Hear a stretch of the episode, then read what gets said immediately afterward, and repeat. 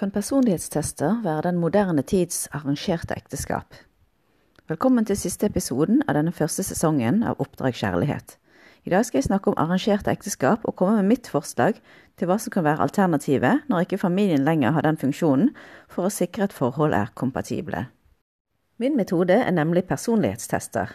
Hvorfor skal man ikke benytte seg av slike tester når man gjør det i rekruttering av ansatte? En ektefelle er jo enda viktigere. Ikke nok med at de ofte skal vare livet ut, men man blir jo ikke kvitt dem heller hvis man får barn med dem. Da må man forholde seg til dem til barna blir store, og til og med får barnebarn. Så da nytter det ikke engang å skille seg fra dem.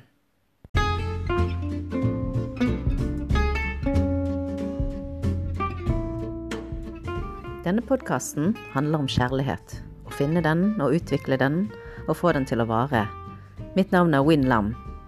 Jeg ser på meg selv som en utforsker i kjærlighetens kronglete irrganger. Jeg har vært gift, jeg har vært skilt og datet i årevis før jeg fant mannen i mitt liv. Som sosialantropolog har jeg gått vitenskapelig til verks med både fordypning i forskningsmaterialet og deltakende observasjon for å finne den rette, i den grad han fins.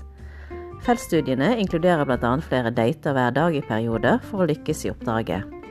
Ingen skal anklage meg for ikke å være engasjert. I denne podkasten skal jeg dele min metode. Kanskje du lærer noe? Som antropolog har jeg tenkt en del på arrangerte ekteskap. Hvor mye enklere hadde det ikke vært om noen som kjente deg godt, kunne hjelpe deg å finne noen som passet? Familiene kunne kjenne hverandre og like hverandre, slik at det ikke ble konflikter. Når ektefellene krangla, kunne foreldrene steppe inn og megle, slik at det aldri ville bli skilsmisser der barn ble skadelidende. Man ville slippe å gå rundt og gjøre dumme valg. Man kunne hatt en ungdomstid der man møtte folk og ha det gøy. Og når man er klar til å gifte seg etter hvert, kunne familien komme med noen som de vet bakgrunnen til, og som de vet kan vare livet ut. Til tross for at man i Vesten generelt mener at det er bedre å finne sin egen partner, ser vi jo at skilsmissestatistikken viser ca. 50% skilsmisser. Da teller man egentlig ikke med samboerforhold som går i stykker etter at man har fått barn, så reelt er det mange flere forhold der man har valgt selv som går i stykker. Fischers tall viser at etter ti år er de som er i arrangerte ekteskap fremdeles like forelsket som de som valgte selv. Hun har en interessant teori der hun mener at mange i arrangerte ekteskap også får et forelskelseslignende følelse, fordi bryllupsritualene er så overveldende at opplevelsen øker dopaminnivået i hjernen til så høyt nivå at det føles som om man er forelsket.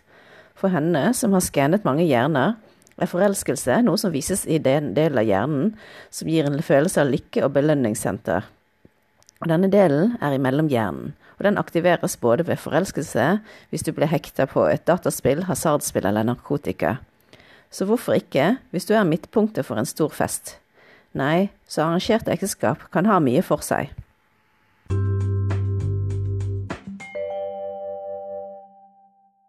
Men hvor er spenningen da, spør du kanskje? Jeg ville svare at spenning er overvurdert, og kanskje noe man blir ferdig med når man er i 20-årene.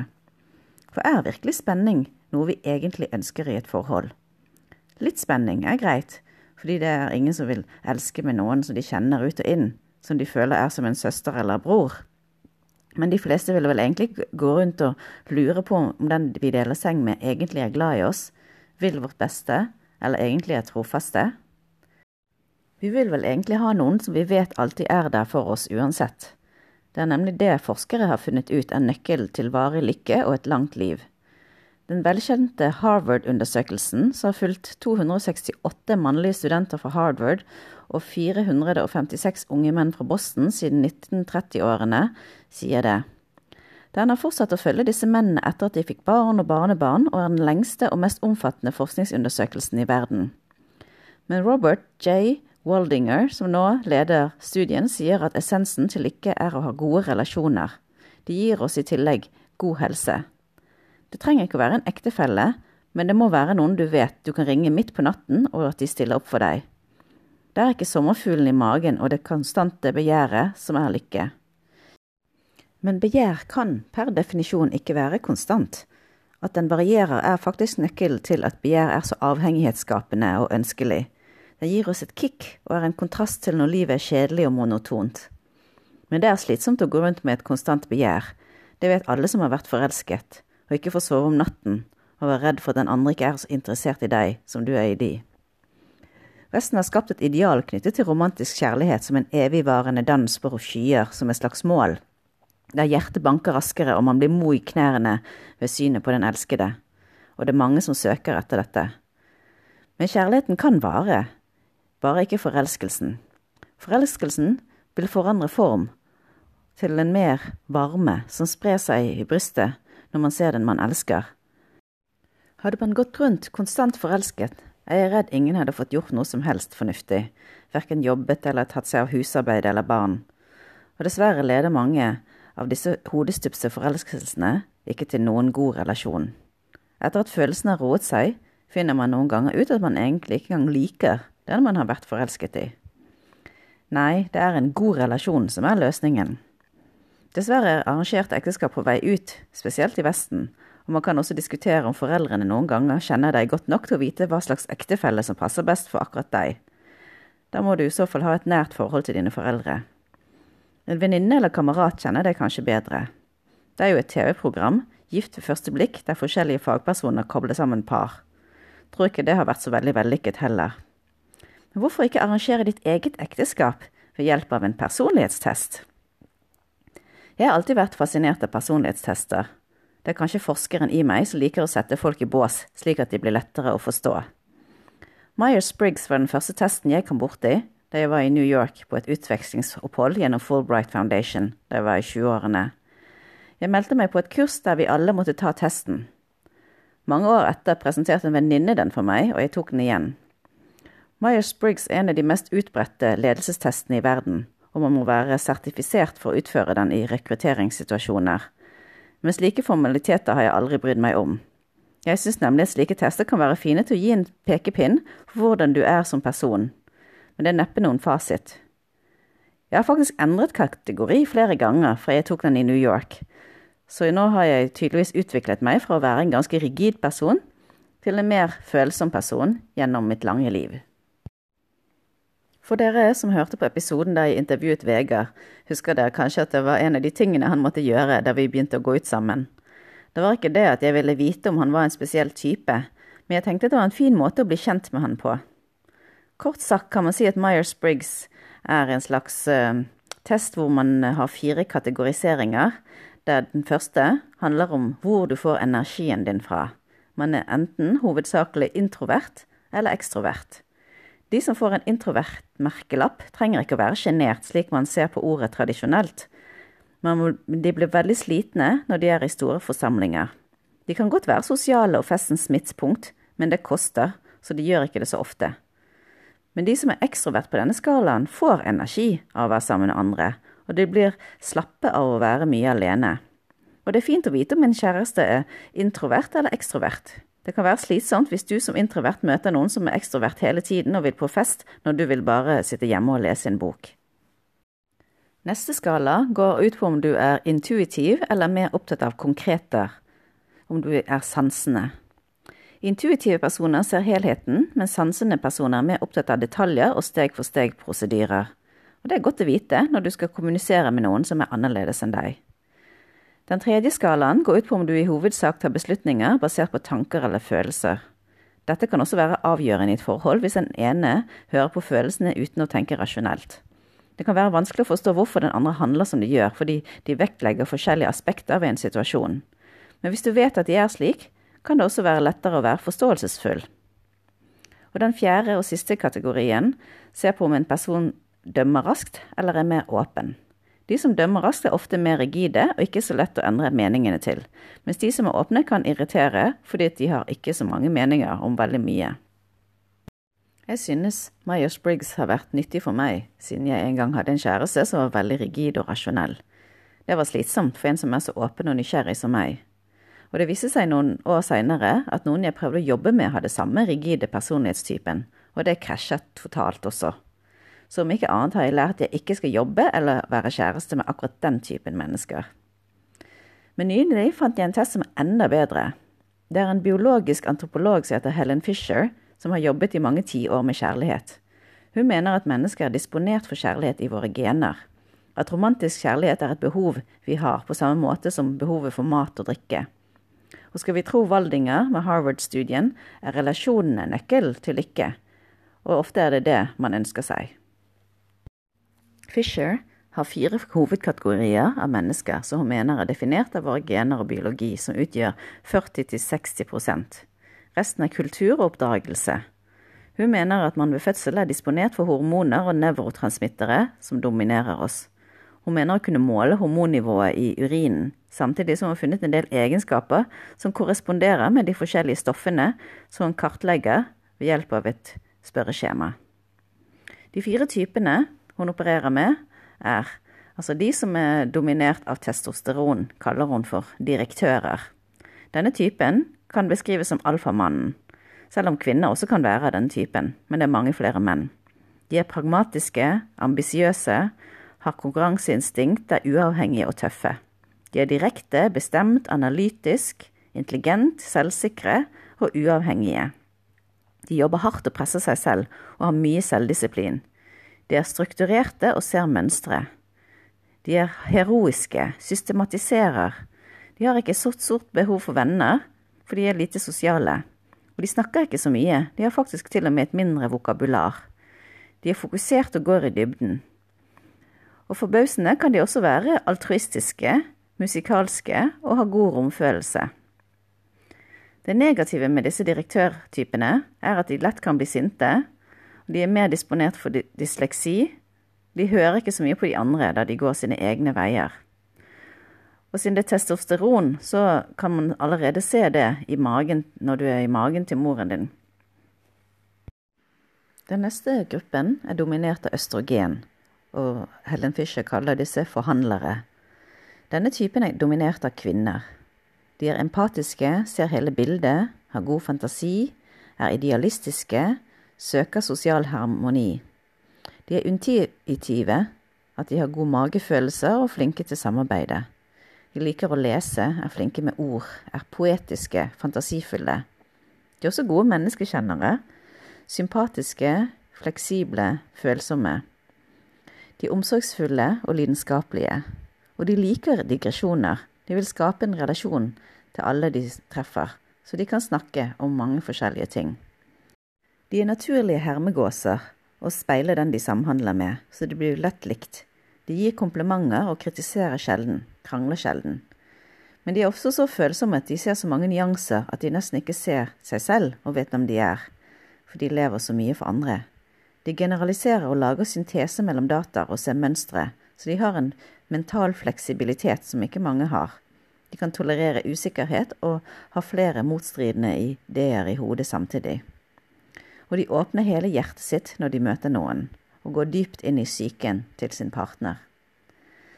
Det negative med denne typen er at de har vanskelig for å bestemme seg. De kan fremkomme som naive. Og fordi de unngår konflikter, kan det hende at de snakker bak ryggen på deg fordi de ikke vil konfrontere deg med det de ikke liker. De kan også fremkomme som klengete, og de tar kritikk dårlig. En undersøkelse knyttet til eh, empati og østrogen viser at hvis du sniffer østrogen før du spiller et spill, så stoler du mer på folk, og det er mer samarbeid. Så østrogen er et ganske virkningsfullt hormon. Den tredje typen er dominert av dopamin, og hun kaller disse utforskere. Denne typen er komfortabel i sin egen kropp. De er fleksible, seksuelle, åpne, uavhengige, optimistiske, ukonvensjonelle, energiske, og eventyrlystne. De har mye energi, de liker endring og nye ting. De er nysgjerrig, impulsive, kreative, verbale, lidenskapelige og aktive. De fleste har mange interesser. De er praktiske og ikke fordømmende, og de utsetter ofte ting til siste liten. Gjør ting som virker umulig. Går bare videre når de feiler. De er fleksible og fri. De liker ikke rutiner. De kan være rastløse. De tar sjanser er optimistiske og entusiastiske. De er nysgjerrige og lette å snakke med, men liker ikke å snakke om seg selv. De ler av seg selv. Og denne gruppen er de, er de som har mest sex med flere partnere, og de har også ofte sex etter at de er gift. Det negative med denne gruppen er at mange av de kan bli manisk depressive hvis du har et veldig dominerende dopaminsystem. De er ikke så flinke til å konsentrere seg om noe lenge, men de klarer det hvis de er veldig interessert. De har lite respekt for timeplaner og kan ofte komme for seint. De kan virke uorganisert, emosjonelt umodne og lite lojale. Kanskje mer aggressive, fordi det er forbundet med testosteron også. De kan virke opportunistiske og manipulerende, fordi de lever her og nå. Og hvis ikke de får med seg noen, så går de alene. Den fjerde gruppen er dominert av serotonin. De kalles byggere. Denne typen er samfunnets grunnsteiner, og mennene kan forekomme som alfamenn, selv om det er like mange kvinner som er byggere. De er beskyttende, rolige, pålitelige, lojale, sosiale, ansvarsfulle, familieorienterte og tradisjonelle, og de er veldig opptatt av å bli respektert. Og vanligvis er de godt likt av andre, for de er omgjengelige. De er faktaorienterte og planlegger til minste detalj. De vil tjene andre og ha respekt for autoritet. De kan være gode ledere fordi de er så godt organisert, detaljorientert. Men de liker ikke å bli presset, og liker å følge regler. De trenger høyere sosioøkonomisk status enn de andre gruppene, og de syns at sosial suksess er viktigere. De liker stil og komfort, og liker å vise frem status. Men denne gruppen er ikke så opptatt av sex. De sparer ofte sex til ekteskapet. De negative sidene kan være at de er pessimistiske på grensen til det fatalistiske. De kan være veldig rigide og kontrollerende og lukket. Og de liker ikke ambiguitet, og de liker ikke å bli avbrutt. Når man tar Fishers personlighetstest, får man opp en prosent av hvor mye du er av en viss type, f.eks. 70% utforsker og 50% direktør osv. De to som har høyest tall, viser hvilken type du er. Over 14 millioner personer i 30 land har tatt Fishers personlighetstest, så man kan trygt si at hun har et godt grunnlag for å kategorisere fra hun var med å utforme Match.com sin søsterside Chemistry.com, som er basert på testen hennes. Hun har derfor kunnet sett hvordan folk velger sine partnere, og hvem man blir tiltrukket av, avhengig av ord som blir brukt på den enkelte profil. Så hvem passer sammen? Hun har sett på parsammensetninger av alle kategorier, og alle kan passe sammen, men det er noen kombinasjoner som er spesielt gode. Utforskere passer spesielt godt med andre utforskere. Siden de er nysgjerrige, så passer det fint at de har noen de kan være nysgjerrig sammen med. Og byggere passer også best sammen med byggere, for de er også en type som liker ro og fred, og da er det fint å finne noen som liker det samme. Og direktører passer sammen med forhandlere, og motsatt, selvfølgelig. Så, så, det er jo interessant at noen typer passer best sammen med hverandre, mens andre typer passer best sammen med noen som er helt motsatt.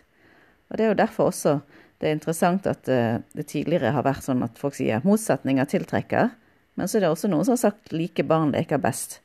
Og hvis vi tror på denne teorien til Helen Fisher, så er jo begge deler riktig, men det avhenger av hvem du er.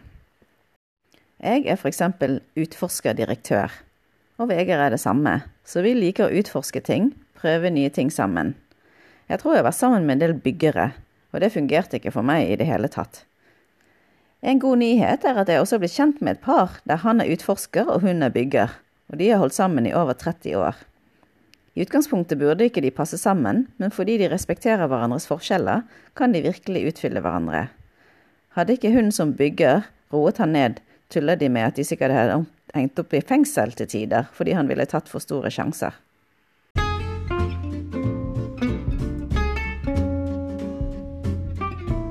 Du kan ta denne testen gratis på internett. Bare søk på Helen Fisher Love Test, så finner du den.